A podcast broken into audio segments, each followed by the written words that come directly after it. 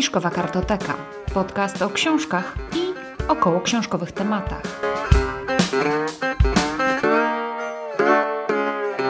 Dzień dobry.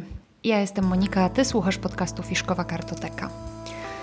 Mamy bardzo ciekawy okres ostatnio pod względem czytelniczym, około książkowym, ponieważ nie dość, że jest jesień, a jesienią jak to zwykle bywa, jest zawsze bardzo dużo premier książkowych, są krakowskie targi książki, to jeszcze dodatkowo zostały przyznane ostatnio dwie nagrody Nobla za ubiegły rok i za tegoroczny rok. No i co istotne, tak mi się przynajmniej wydaje dla nas bardzo, dla nas Polaków, to to, że jeden z tych Nobli, czyli Nobel za rok 2018, został przyznany polskiej autorce Oldze Tokarczuk, z czego się bardzo, bardzo cieszę, chociaż się nie spodziewałam, bo z reguły ci autorzy, którzy stoją bardzo wysoko w notowaniach bukmacherskich, z reguły nie dostawali nagrody Nobla. A tymczasem Olga Tokarczuk była dosyć wysoko w notowaniach i jednak zaskakująco otrzymała Nagrodę Nobla. Bardzo się cieszę, bardzo gratuluję, natomiast nie o tym zupełnie będę dzisiaj mówiła. Mm, żadnego w ogóle z tych powyższych wydarzeń nie będę omawiać, ani premier, ani targów książki, e, ani nagród Nobla. Wracam do omawiania ostatnio przeczytanej książki. Książki, którą przeczytałam podczas urlopu, i jest to francuska opowieść, powieść o miłości. Jeśli taka tematyka Was interesuje, to serdecznie zapraszam do słuchania dalej. Będę dzisiaj mówiła o książce pod tytułem Miłość i inne nieszczęścia. Autorem tej książki jest Olivier Bourdeau. Mam nadzieję, że dobrze wymawiam jego nazwisko. Książkę tłumaczyła Katarzyna Marczewska, a wydało ją wydawnictwo WAB. Została wydana w 2017 roku, a ja ją przeczytałam, tak jak wspomniałam, w październiku 2019 roku, czyli podczas mojego urlopu i czytałam ją w Rzymie. Francuska powieść czytana w Rzymie. Każdym razie, zacznę od autora Olivier Bourdeau, urodzony w 1980 roku, czyli dosyć młody pisarz, tak bym go nazwała, no bo ma dopiero 39 lat. Jest to francuski pisarz, a książka Miłość i inne nieszczęścia to jego debiutancka powieść. E, podbiła ona rynek książki we Francji, sprzedała się w 250 tysiącach egzemplarzy, przynajmniej na moment pisania tej notki, i otrzymała wiele nagród, m.in.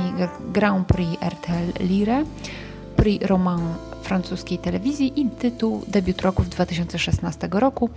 Polski tytuł tej powieści to według mnie najsłabsza jej część. E, jest to taki tytuł, który ciągle się przewija wśród różnych książek, czy też tłumaczonych, czy pisanych oryginalnie po polsku. Kiedyś zrobiłam takie zestawienie na Facebooku. Miłość i inne. Tu wstaw coś, co na pierwszy rzut oka zupełnie nie pasuje. I tak powstaje zaskakujący i nietypowy tytuł książki. Um, przytoczę z tego zestawienia mojego na Facebooku, które kiedyś tam dawno temu robiłam, w kolejności alfabetycznej osiem takich książek. Tak, bo jest ich naprawdę aż tyle. Miłość i inne deliria w wydawnictwie Muza SA. Miłość i inne niepotrzebne sytuacje z wydawnictwa Apollonia Dream. Miłość i inne mity. Wydawnictwo Publikat. Miłość i inne nieszczęścia. Wydawnictwo Znak i to jest książka polska. Nie jest to ta sama książka, którą ja czytałam. Miłość i inne rośliny mięsożerne. Wydawnictwo Sonia Draga. Miłość i inne sporty ekstremalne. Wydawnictwo WAM. Miłość i inne używki.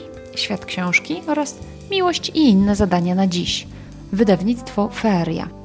I to jest naprawdę aż tyle książek, osiem książek. W ogóle dla mnie to jest niewiarygodne, że można taki tytuł który wydaje chyba się tym wydawcom taki zaskakujący i nieszablonowy, sprowadzić do aż takiego szablonu i takiej nudy, tak na dobrą sprawę. Mnie ten tytuł polski książki w ogóle się nie podobał i uważam, że nie pasuje do książki, mm, do treści książki. Bowiem o czym jest ta książka? I od razu uprzedzam, że będę trochę mówić ze spoilerami, więc jeżeli więc jeżeli nie chcecie się dowiedzieć o pewnych zmianach akcji, pewnych zakrętach fabularnych, to nie słuchajcie dalej.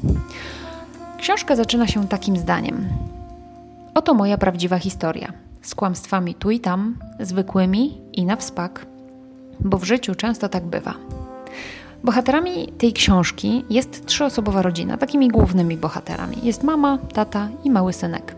Syn ma około, tak mi się wydaje, 8-10 lat. Wydaje mi się, że gdzieś tam pada w którymś momencie informacja o jego wieku, ale nie zapamiętałam jej. Mniej więcej właśnie w takim wieku 8-10 lat poznajemy go w pierwszym rozdziale. I to właśnie z jego perspektywy poznajemy się poznajemy tę historię, poznajemy się z tą rodziną, widzimy radosną rodzinę, która lubi się bawić, błaznować wręcz, a dziecko oczywiście w to graje. Wszystkie te szalone zabawy, przebieranki, gry słowne, jakieś wyścigi w domu mm, z udomowionym zwierzątkiem. I to zwierzątko nazywa się panna hiperredundantna i już za samo to imię dla udomowionego ptaka ta książka ma dla mnie jak najbardziej ogromny, ogromny plus, bo to jest fantastyczna zabawa. Jak można nazwać żurawia panną hiperredundantną? No dla mnie to jest mega ciekawe i mega fajne. Przezwiska takie właśnie jak dla tego zwierzaka, ale nie tylko dla zwierzaka, bo na przykład mama co dwa dni ma inne imię. To wszystko właśnie, co wymieniłam, wydaje się właśnie być specjalnie dla tego małego synka, dla tego dziecka, żeby on miał fantastyczne dzieciństwo, żeby się cieszył, żeby się dobrze bawił. To, że poznajemy rodzinę z perspektywy chłopca też jest istotne, też jest ważne, bo ten pierwszy rozdział, a potem jeszcze przynajmniej jeden, opowiedziane są w taki charakterystyczny dla dzieci sposób. Um, to znaczy, że rzeczy, których dziecko nie rozumiało, mm, nie wiedziało, opowiadało w dosyć bajkowy sposób, um, albo tłumaczyło sobie tę rzeczywistość niezrozumiałą dla siebie na zjawiska, które rozumiał. W taki sposób na przykład dowiadujemy się, że kiedy jakiś przyjaciel rodziny woła Margarita, Margarita i dziecku wydaje się, że to jest um, wołanie swojej hiszpańskiej przyjaciółki, um, natomiast później dowiadujemy się, że tak naprawdę chodziło o to, że przyjaciel rodziny domagał się drinka i tego drinka dostawał. A dziecku wydawało się, że to na pocieszenie dostaje tego drinka, bo tak przyjaciółka Margarita do niego nie przychodzi. No w każdym bądź razie z każdym rozdziałem odkrywamy kolejne kłamstwa. Kłamstwa tu i tam, zwykłe i na wspak, jak to była mowa we wstępie. I to nasze pierwsze wyobrażenie i to nasze wrażenie się zmienia.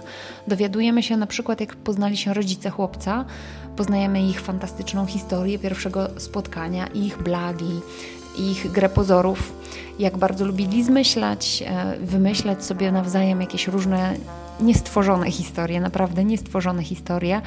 I widać to niemal na każdej stronie książki. Na przykład w drugim rozdziale książki jej ojciec, już e, sam ojciec mówi od początku naszej szaleńczej znajomości zawsze w uroczy sposób udawała, że nie ma pojęcia o rzeczywistości. Albo ja udawałem, że uważam to za udawanie, bo robiła to całkiem naturalnie. No i w całej książce już poznajemy, coraz dalej idziemy jakby w tę historię. Fantastycznie jest odkrywać te mistyfikacje, co się za nimi kryło, do czego one doprowadziły. To, co było dla dziecka tak jak mówię, wyzywaniem tej przyjaciółki, to było drinkiem. Te wszystkie imprezy w domu rodziców, te wszystkie wydarzenia, niedopatrzenia mm, były tylko efektem tak naprawdę chaotycznej osobowości mamy oraz podporządkowanego jej, jej miłości do niej um, ojca. Nagle dowiadujemy się w którymś momencie książki, że mama jest chora, że ma chorobę dwubiegunową i schizofrenię i musi zostać zamknięta w szpitalu psychiatrycznym.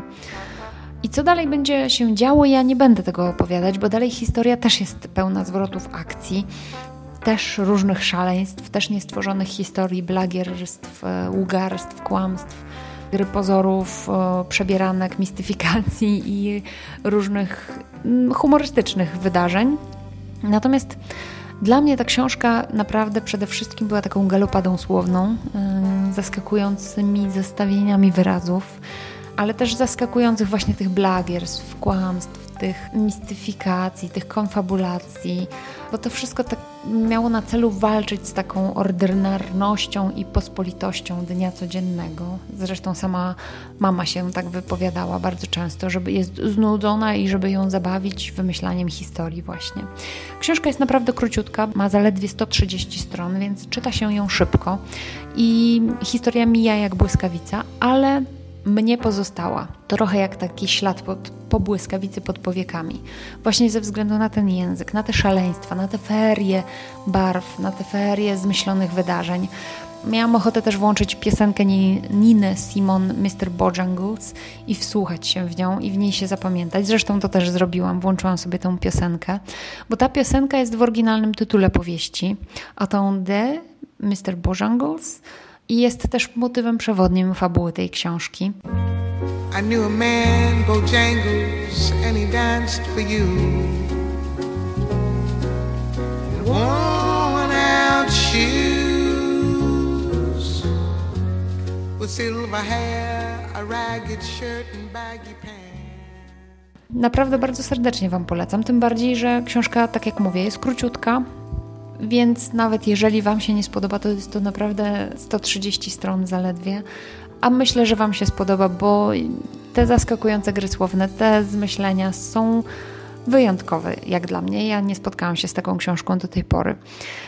Tymczasem dziękuję bardzo za wysłuchanie dzisiejszego odcinka. Serdecznie Was zapraszam na mój profil facebookowy, na mój profil instagramowy, gdzie możecie także zobaczyć książki, które czytam. W obu tych miejscach znajdziecie mnie pod tytułem mojego podcastu, czyli pod tytułem, pod nazwą Fiszkowa Kartoteka. Um, możecie także do mnie napisać na adres fiszkowa.małpainteria.pl jeżeli Wam się odcinek podobał, to zachęcam do subskrypcji w aplikacjach do słuchania podcastu, ale także na YouTubie, bo także mam swój kanał na YouTubie. Tam także możecie mnie subskrybować. No i zapraszam także do słuchania mojego drugiego podcastu. Lubię wiedzieć, gdzie od czasu do czasu mówię o różnych ciekawostkach. Do usłyszenia, cześć.